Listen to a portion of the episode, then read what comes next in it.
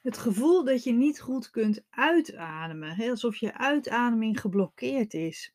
Nou, ook dat kan een heel benauwd gevoel geven. En dat kan ontstaan als je ja, last hebt van hyperventilatie, als je ademhaling eh, ja, verstoord is. Ook vaak hè, dat je eh, dan het gevoel hebt dat je je ademhaling wilt controleren, of dat, je, eh, dat, je, dat het niet vanzelf gaat en dat je het moet sturen. Nou, daar wil ik het met je over hebben in deze aflevering. Dus het gevoel dat je niet goed kunt uitademen. Ook als je deze klacht misschien niet direct herkent, dan zou ik toch even blijven luisteren. Want zoals altijd zitten er vaak wel dingen bij die, uh, ja, die wel herkenbaar voor je zullen zijn. Zelf herken ik het gevoel van niet goed kunnen inademen, goed kunnen doorademen wel, maar dat gevoel van niet goed kunnen uitademen, daar heb ik zelf eigenlijk nooit uh, last van gehad. En dat maakt het natuurlijk ook best wel interessant, vind, vind ik dan, hè, vanuit mijn oogpunt.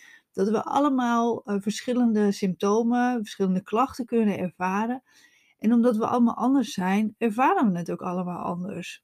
Dus het kan heel goed zo zijn dat jij dat gevoel van niet goed kunnen doorademen niet herkent, maar dat gevoel van niet goed kunnen uitademen wel herkent. Maar eerst even hyperventilatie. Hè? Want bij hyperventilatie adem je te veel ten opzichte van wat je verbruikt. Hierdoor ontstaat er een onbalans in je lichaam die voor klachten kan zorgen. Klachten zoals duizeligheid, spijsverteringklachten, hoofdpijn, vermoeidheid, tintelingen en nog heel veel meer. En ook een benauwd gevoel is één van die klachten. En vooral het benauwde gevoel, dat komt best wel heel vaak voor. En we krijgen dan vaak het advies hè, dat je minder moet gaan inademen of meer of langer moet gaan uitademen. En dat heb je misschien gelezen. Je hoort het mij misschien ook wel eens zeggen. Hè, dat je focus eigenlijk wat meer moet leggen op de uitademing in plaats van op de inademing. Want we hebben vaak de neiging om meer in te willen ademen. Hè. Dat je een benauwd gevoel, dat geeft de neiging om vaker in te ademen. Dus het kan zo zijn dat jij onbewust dat hebt gehoord of bewust hebt gehoord en dat je denkt, ja, maar ik moet dus uitademen. Dat je heel erg daar die focus op gaat leggen. Maar wat nou als dat dan niet lukt? Dat uitademen. Of als het gewoon niet zo goed lukt. Of als je die focus zo op die uitademing gaat leggen. Ja, wat kan je dan doen? Nou, eerst even hebben we nog over die focus op die ademhaling. Als jij dus dat advies hebt gekregen of je hebt ergens gelezen dat het beter is om langer uit te ademen. Nou, vaak willen we dat dan gaan controleren of krijgen we dan een focus op de ademhaling. En de meeste hyperventilanten, dat zijn control freaks. Hè? We willen heel graag alles heel goed doen. Perfectionistisch zijn we. En we willen vaak overal controle over houden. Dus ook over die ademhaling. Maar die ademhaling, die gaat natuurlijk gewoon volledig automatisch. En die hoeven we niet te sturen. Gelukkig, want anders zouden we s'nachts niet ademen. Maar ook als je geconcentreerd ergens mee bezig bent. Hè? Dus we hoeven helemaal niet bewust met die ademhaling bezig te zijn. Toch willen we dat wel heel vaak. En zeker als je dus klachten hebt die zijn ontstaan door dat dysfunctionele adem, oftewel het hyperventileren. Maar juist het willen controleren en het forceren zal ervoor zorgen dat er veel spanning ontstaat en je dus minder goed kan ademen en het gevoel kunt krijgen van luchthonger, hè, niet goed kunnen doorademen of dus juist niet goed kunnen uitademen.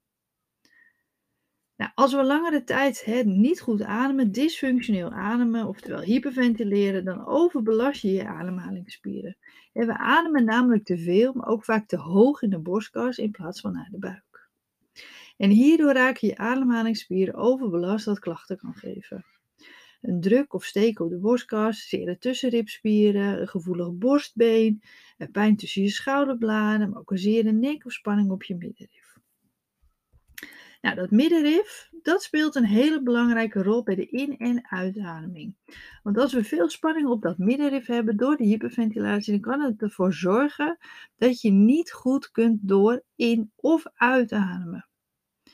Doordat het middenrif gespannen is, missen de kracht en de ruimte om goed te kunnen ondersteunen bij de ademhaling.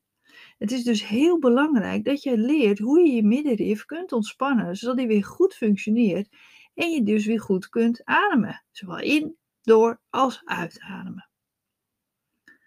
Nou, een van de symptomen van hyperventilatie is een benauwd gevoel. We hebben dan vaak de neiging om meer in te ademen, terwijl dit juist ervoor zorgt dat we in die vicieuze cirkel terechtkomen. Door de onbalans die ontstaat van het hyperventileren kan je een benauwd gevoel krijgen. Dus die, die onbalans die in je lichaam ontstaat, die kan het benauwde gevoel veroorzaken. Maar onze hersenen registreren namelijk eigenlijk alleen maar dat er iets mis is met de ademhaling. En als een reactie hierop wil je lichaam je helpen door juist extra te gaan ademen. Daardoor ontstaat en hou je juist die onbalans. En dat komt uit de oertijd, want heel vroeger was er gewoon alleen maar acute stress en die chronische stress was er niet echt. Hè? We waren aan het verzamelen, echt in die oertijd. Je was eten aan het zoeken. En opeens stond er een beer of een leeuw of wat dan ook. En dan moest je vechten of vluchten. En dus die acute stress, daar is ons stresssysteem nog steeds op gemaakt.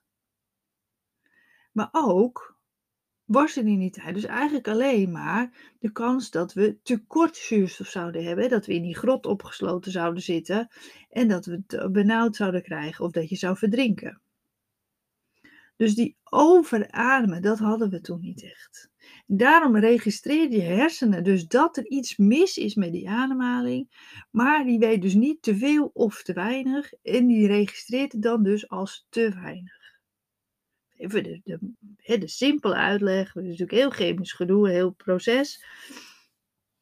En daardoor heb je dus de neiging om extra in te ademen, terwijl je dus eigenlijk al te veel hebt ingeademd. Nou, hoe merk je dat je verkeerd ademt? En naast dat je natuurlijk verschillende klachten kunt krijgen van het hyperventileren, zijn er ook andere dingen waar je dat aan kunt merken. En zo zal iedereen anders reageren, zal je dus ook andere symptomen kunnen ervaren en die kunnen ook wisselen. Zo kan je bijvoorbeeld uh, luchthonger krijgen, waardoor je extra wilt in- of uitademen. Hè, dat je het idee hebt dat je niet genoeg lucht krijgt. Eh, maar ook veel zuchten naar luchthappen, geforceerd willen uitademen, gapen, boeren, oprispingen. En dat zijn allemaal signalen dat de ademhaling verstoord is. Maar ook bijvoorbeeld je ademhaling vastzetten of inhouden kan een signaal zijn. Wat kan je hieraan doen? Het is natuurlijk heel erg belangrijk dat je ervoor zorgt dat die balans in je lichaam herstelt. Hè? Dat je meer rust hebt, meer ontspanning. Hè? Waardoor het stresssysteem tot rust komt. En dus ook die signalen dat er iets mis is met die ademhaling. Hè? Dat door het stresssysteem dat dat ja, minder actief wordt, dat je rustiger gaat worden. Daarnaast is het heel erg belangrijk, zoals je kon horen, dat je je leert je middenrif te ontspannen. Daar kan je heel goed oefeningen voor doen. Zo zijn er ook heel veel tips die je kunt doen. bijvoorbeeld op je houding letten, hoe je spreekt, waardoor dat middenrif niet zo overbelast raakt, maar juist leert ontspannen, waardoor je beter, goed, beter kunt in- en uitademen. Dus dat is super belangrijk dat je aan het middenrif gaat werken. En daarnaast hoor je me ook vertellen hè, dat die tussenribspieren, die borstkas, hè, die hebben natuurlijk ook ruimte nodig. En dus het is goed om echt aan die spieren te gaan werken. En goed je, lichaam, je, je ademhaling weer leert herstellen. En zeg ja Nicole, dat is leuk. Maar hoe kom ik aan oefeningen voor dat middenrif? Want ik weet dat niet. Dan kan je eens kijken bij mijn online cursus Middenrifspanning door hyperventilatie. Die cursus bevat heel veel uitleg tips, maar vooral oefeningen, ook ademhalingsoefeningen die je wil leren om goed te ademen uh, en vooral je middenrif te leren ontspannen. En waardoor je ook die uitademing weer ja, normaal gaat voelen. En het is natuurlijk ook super belangrijk dat je leert om die focus van die ademhaling af te halen. En realiseer je, je hoeft je ademhaling niet te sturen. Je hoeft niet bewust uit te ademen. Het gaat allemaal helemaal vanzelf.